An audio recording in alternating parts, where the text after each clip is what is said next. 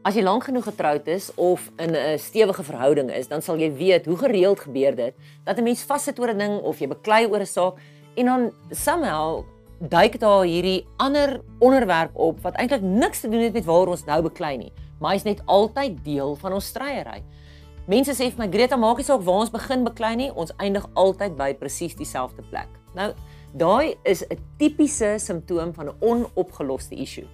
En daarvan is daar hordes getuies binne in elke huwelik en miskien binne in joune ook. Daar's 110 redes ook hoekom mense nie praat oor daai probleem nie. En dit gaan ons nou nie vandag bespreek nie. Maar wat belangrik is is dat jy moet leer om te praat oor die issue of die hobbel onder die mat. Van die ding wat onder daai mat lê, gaan die ding wees waaroor jy elke keer gaan struikel. Nou, daar's ons twee belangrike goeders wat vir my uitstaan.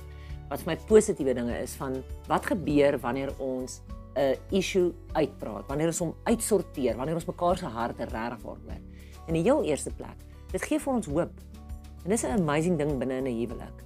Want die teendeel daarvan is wanhoop, frustrasie, moedeloosheid, ek voel vasgevang, ek ek raak regtig waar ek kom regtig op daai plek van moedeloosheid wat ek wat ek net nie lig sien nie. En dan um, in die oomblik wat jy 'n issue uitsorteer wat jy mekaar se hart regtig wil hoor, dan is dit wow, weet jy, ek voel sommer die lig kom. Ek voel sommer daar is hoop in ons verhouding.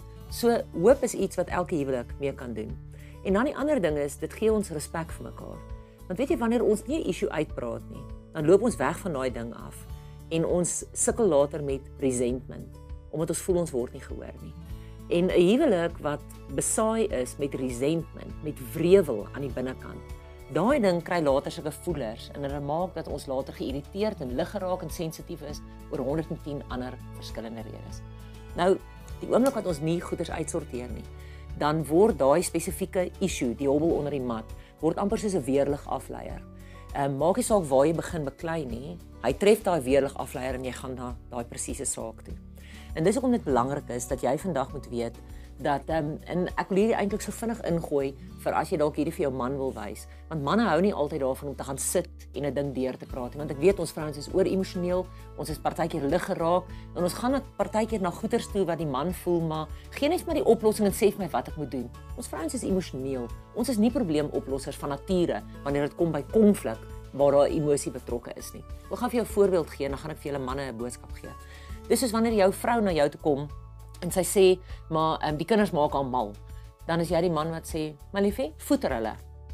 Jou vrou weet dis die oplossing. Sy weet sy moet dalk harder wees met hulle en strenger wees en alles, maar eintlik het sy 'n skouer nodig. Eintlik het sy iemand nodig om mee te praat.